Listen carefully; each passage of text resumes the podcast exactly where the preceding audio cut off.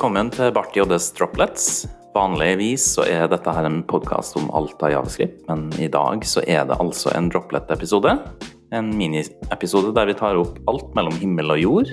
Eh, og i dag så har jeg med meg en liten sak. Eh, det er vel en eh, teknisk sak, men det er et Jeg vet ikke om du kan kalle det et dilemma, da.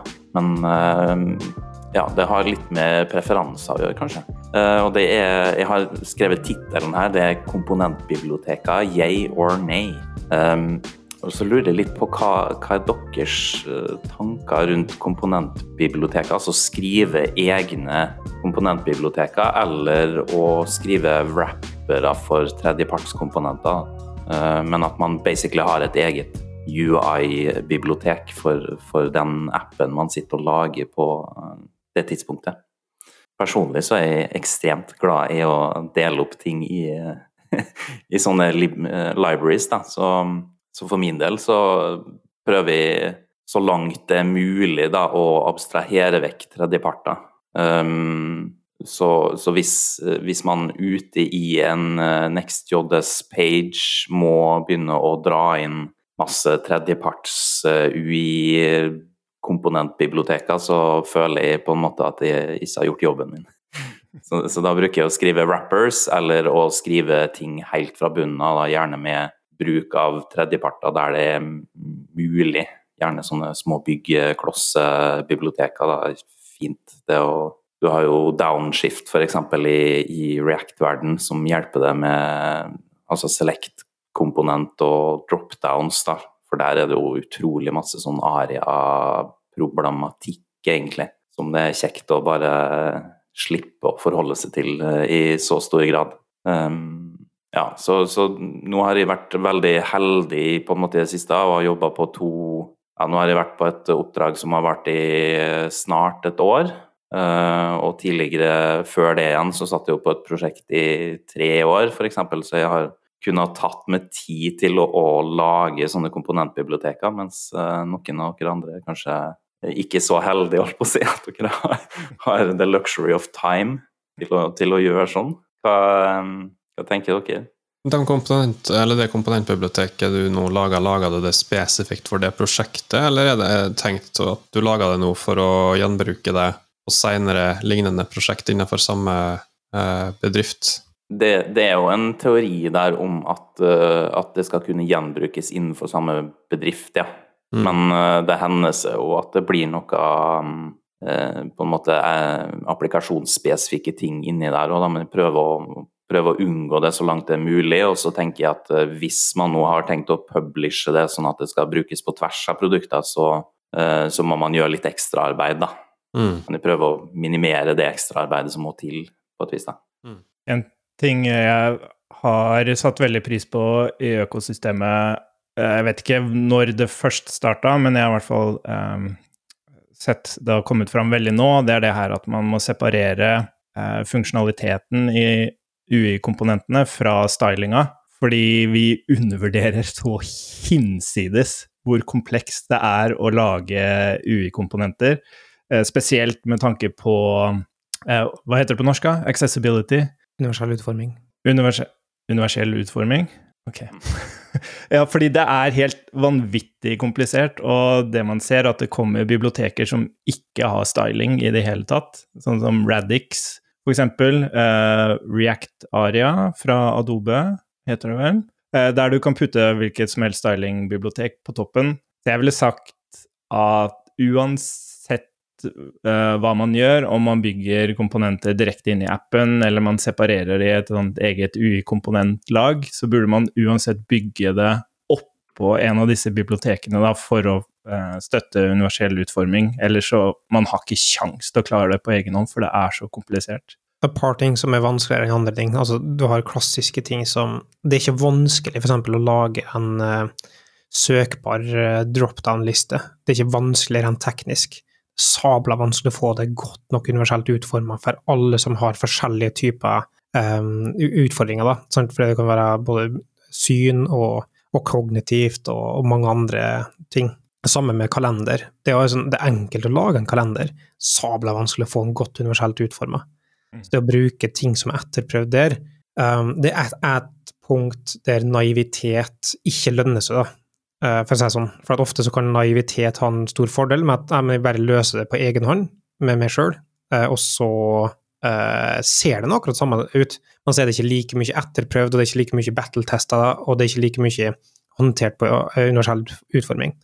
Annen ting, eh, Nå vet jeg at det blir mer og mer om tredjeparts, så vi skal rulle det inn igjen til temaet, eh, Kristian. Men en annen ting som vi tenker på, er eh, dessverre så er ikke kravene til universell utforming like stor i utlandet som det er i Norge. Så det òg er et kompliserende faktor, for at mange av de tingene som du lager, er ikke like tenkt på de, det, Selv om det er andre som har bruka det, og andre som lager det, så er det ikke automatikk i at det er universelt utforma. For at i Norge så har alt å si som er ment for offentligheten, ikke bare, ikke bare offentlige aktører, men eh, hvis du lager en løsning som er ment tiltenkt offentligheten, så er det jo underlagt krav om, om VKG 2.1, eh, eh, og så etter hvert webdirektiv osv. Uh, så det er komplisert å, å, få til mye der. Vi har tilfeller der uh, f.eks. i React Native, da, så er det utrolig vanlig at du får opp en, en bottom sheet, som det heter. Liksom en pop-up som kommer fra botten, som en modal. Ingen løsninger som er universelt utforma i det hele tatt. Det er bare totalt fraværende, og det er ingen, ingen måte å få det til på. Så der blir Nav tvunget til å måtte løse ting sjøl. Sjøl om det er en sånn kompliserende, og så komplisert um, ting å løse òg, da. For å få til mm. med, med gestures og osv. og så videre. Uh, og i app så syns jeg universell utforming er enda mer vanskelig enn det er på web igjen. Uh, for det er så mange ting å støtte. Du har egne custom gestures i IOS, for eksempel, som du kan håndtere. Uh, og det, ja, det er kjempevanskelig. Om det er komponentbibliotek og sånne ting, der tenker jeg at det går an til å tenke komponentbibliotek sjøl om en ikke skal dele det. Og så går det an til å dele på et lavere nivå, sånn som jeg har begynt å gjøre det nå. at eksportere eh, tema, themes og størrelser. Og dette hjelper i hvert fall hvis du har eh, jobba med strukturerte grafiske designere, UI-designere, som, som, tenker på en måte komponent- og designsystem fra bunnen av, med å være konsekvent på ting. Men det at du har liksom eh, hva skal jeg, grunn, grunnstoffer eh, med størrelser og, og, og farger og sånne ting, eh, og så eksporterer jeg det i to forskjellige måter. En i CSS, man er navngitt på samme måte, og så en i ren uh, javascript eller typescript. da. Som kan også brukes om en om hverandre. og så kan du bygge egne komponenter på toppen av det. Og det kan være utfordrende når du har forskjellige teknologier som du skal bruke. Så derfor er det greit å ha liksom, den underlaget. Men sjøl om du kun skal bruke det én plass, og ikke har tiltenkt å dele, det, så tenker jeg det gir mening å lage seg de byggeklossene kontinuerlig. Både for å um, på en måte slags slippe å ta valg hele tida, men òg for å gjøre det enklere å bruke. Men også, også siste da, er liksom at uh, det er mer lettvint for folk som kommer inn i kodebasen og skjønner på en måte mønsteret. Det er en utfordring òg der, for det er lett å koble uh, utseende med oppførsel, og det er lett å, mm. å Hvis en ikke er disiplinert nok, så sklir det fort ut, da, og det blir sånn sju forskjellige permutasjoner å bruke en ting på. Uh, og da er du like, da er du like langt, da. Da er det bare en abstraksjon på en, en abstraksjon, i stedet for å separere to faktisk distinkte elementer, så slår du sammen som en per permutasjon. Da er det akkurat det samme som å bare bruke koden i seg sjøl, for du, det er like kompliserende, ikke sant. Mm. Det, er mange, det, er mange, feller å gå i, da. Uh, og jeg føler at uh, ofte så er det trade-offs, på en måte, på et vis òg, da. Mm. Jeg, har, jeg, har, lagt merke til det eh, tidligere, når jeg f.eks. Har laga et select-komponent. da. Så du, kommer det plutselig inn et krav om at eh, nei, nå må vi ha en multiselect. Mm. Og da tenker du hm, ja, men da bare bygger videre på den select, single-selecten vi har. Det er så forskjellig, i, altså både funksjonelt og visuelt, at det er nesten bare å, å splitte det i to komponenter med en gang. Mm. Vi kommer fort tilbake til å diskutere dry, liksom. Altså don't repeat yourself. Uh, er ting som mange lærer på skolen, eller med en gang de kommer i, ut fra studiet, eller ut i arbeidsplassen generelt, da.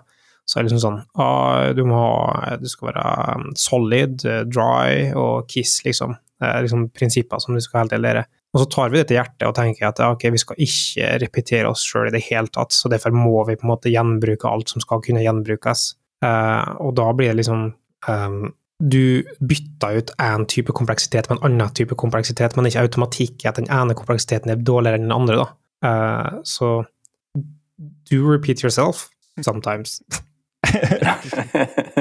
Jeg forsøker på en eh, mental modell som en oppsummering av hva du snakka om, Mikael? Fordi sånn som jeg ser på det, er det at det, du har liksom tre nivåer av det du vil gjøre med et UI-bibliotek, eller UI-komponenter. Og det er i bunnen så vil du ha universell utforming. Og der vil du, der vil du absolutt uh, bruke tredjepart, fordi det, det, er langt mer komplekst enn det man skulle tro.